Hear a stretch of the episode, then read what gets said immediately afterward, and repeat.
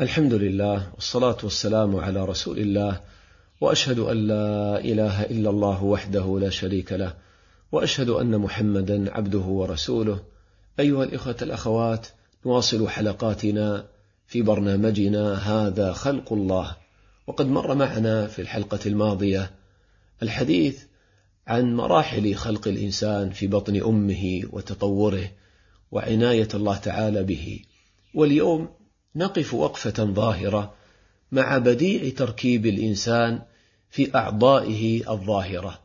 والله تعالى قد أقسم على حسن خلقك أيها الإنسان في كتابه فقال لقد خلقنا الإنسان في أحسن تقويم والإنسان إذا تفكر في خلق نفسه استحى من ربه جل وعلا. كيف خلقك الله تعالى في أحسن صورة؟ وركب بدنك أحسن تركيب. يا أيها الإنسان ما غرك بربك الكريم؟ الذي خلقك فسواك فعدلك. في أي صورة ما شاء ركبك. فهذا يبعث في قلوبنا الحياء من ربنا جل وعلا ويثير في قلوبنا محبة الله تعالى والإقبال على شكره وعبادته. تعالوا في هذا التأمل اللطيف الوجيز في خلق الإنسان. تأمل كيف جعل الله تعالى رأسك عاليا على بدنك لأن فيه الحواس الخمس وآلات الإدراك من السمع والبصر والشم والذوق. وتأمل كيف جعل عينيك وهما آلة البصر في مقدمة الوجه ليكون كالطليعة والكاشف للبدن. وهذه العين خلقها عجيب. سبحان الله هذه العدسة الصغيرة ينطبع فيها ما بين السماء والأرض والمشرق والمغرب. يقولون في العين الواحدة ما يقارب مئة وأربعين مليون مستقبل للضوء.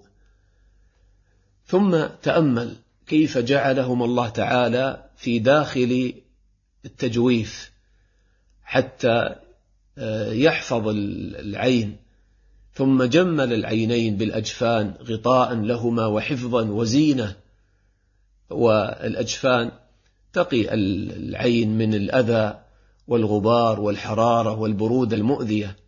ثم غرس في أطراف تلك الأجفان الأهداب اللطيفة هذه الشعيرات جمالا وزينة وحفظا. ثم تأمل كيف شق الله تعالى لك السمع وخلق لك الأذنين آه، جعل الأذنين على جانبي الرأس ليكون أمكن في تجميع الأصوات مع ما في ذلك من التناسب والجمال.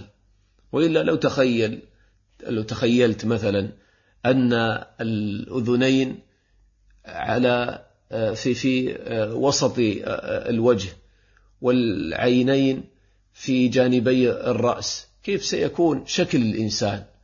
ولن تؤدي هذه الأعضاء وظائفها على الوجه الأكمل. ثم تأمل في صوان الأذنين كيف خلقه الله تعالى بهذه التجاعيد التي تجمع الأصوات. وجعل الأذن مجوفة كالصدفة تجمع الأصوات. ثم نصب سبحانه جل وعلا في وسط الوجه. قصبة الأنف فأحسن شكله وهيئته وفتح فيه المنخرين وأودع فيهما حاسة الشم تدرك أنواع الروائح الطيبة والخبيثة والنافعة والضارة تستنشق به الهواء وجعله الله تعالى مصبا تنحدر إليه فضلات الدماغ. وتأمل كيف حجز بين آه، جانبي الأنف بحاجز حكمة منه ورحمة.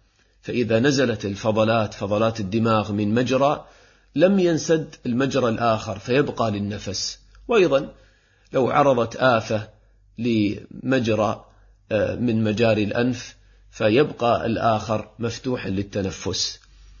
وهكذا كان يعني وجود أنفين في الوجه لا يليق أبدا بجمال الإنسان فجعله أنفا واحدا عضوا واحدا لكن كأنه عبارة عن عضوين.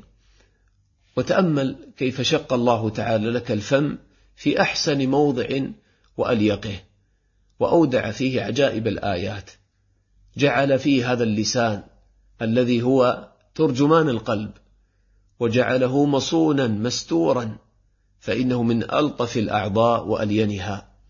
ثم تأمل كيف زين الفم بالأسنان وجعل بعضها كالرحى وهي الأضراس للطحن وبعضها آلة القطع وجعل بعضها محددة الرؤوس للتمزيق كالأنياب وهكذا جعلها متناسقة كأنها الدر المنظوم.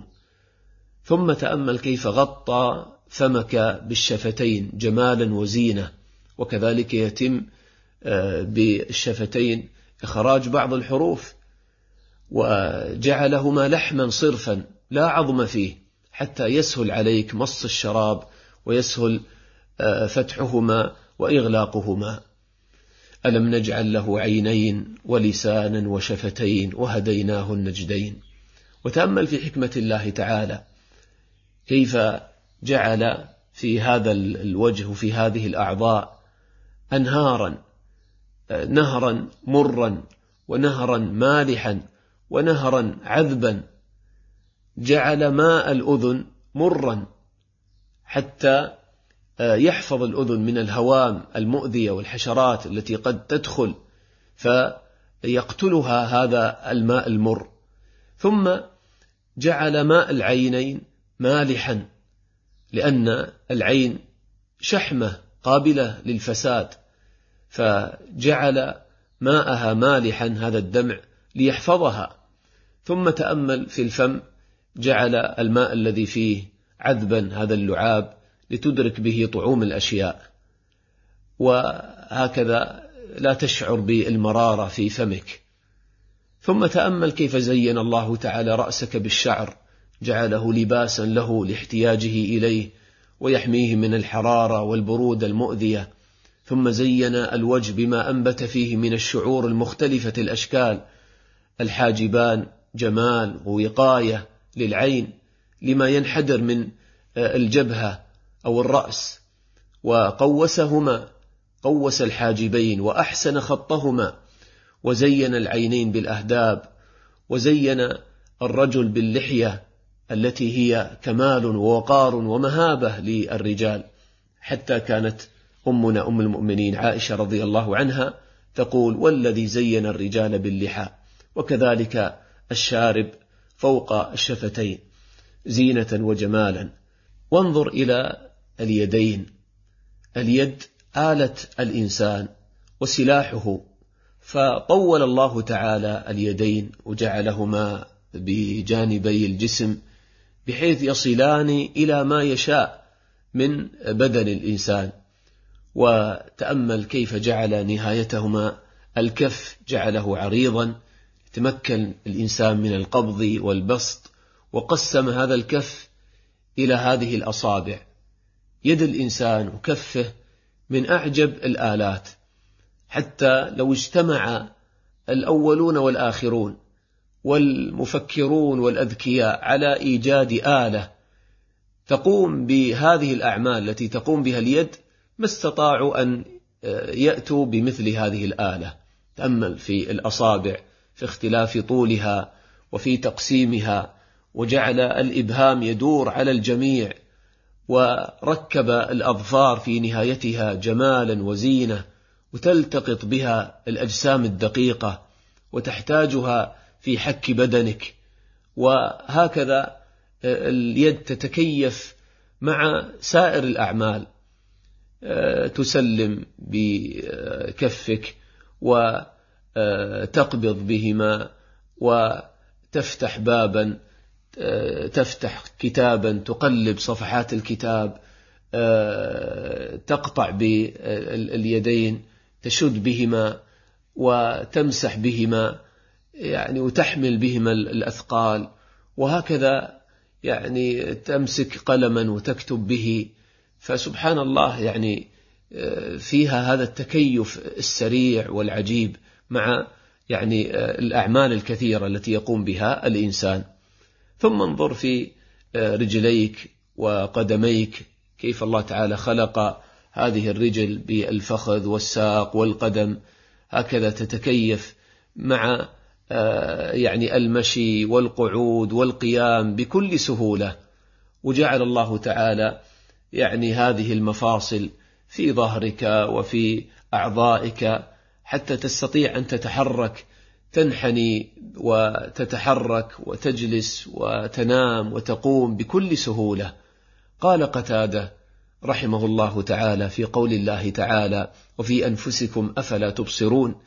من تفكر في خلق نفسه علم أن ما لينت مفاصله للعبادة. فسبحان الله هذا الجسم مهيأ لعبادة الله تعالى للركوع والسجود بين يدي الله والقيام بين يديه حتى اليدان هكذا ترفعهما استسلاما لله وتضع اليمنى على اليسرى وترفعهما في الدعاء. فسبحانه جل وعلا تبارك الله أحسن الخالقين. نسأل الله تعالى أن يجعلنا من المتفكرين في خلقه جل وعلا. وأن يجعلنا من الشاكرين. والله الإنسان يتفكر هذا التفكر اللطيف والوجيز في بدنه آه، هذا يجعله والله يستحي من ربه. كيف بعد ذلك تعصي الله؟ كيف بعد ذلك تغفل عن ذكره وشكره؟ كيف بعد ذلك لا تطيعه؟ فنسأل الله تعالى أن يوفقنا لما يحب ويرضى. وهذا الكلام اختصرته من كلام ابن القيم رحمه الله تعالى. في مفتاح دار السعادة وله كلام مطول في التفكر في خلق الإنسان وكذلك المخلوقات.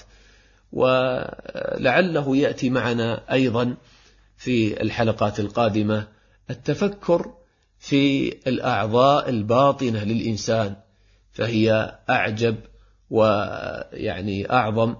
ولعله يأتي معنا شيء من هذا نسأل الله تعالى أن يوفقنا للتفكر في مخلوقاته وأن يزيدنا بذلك إيمانا وطاعة وقربا من ربنا جل وعلا.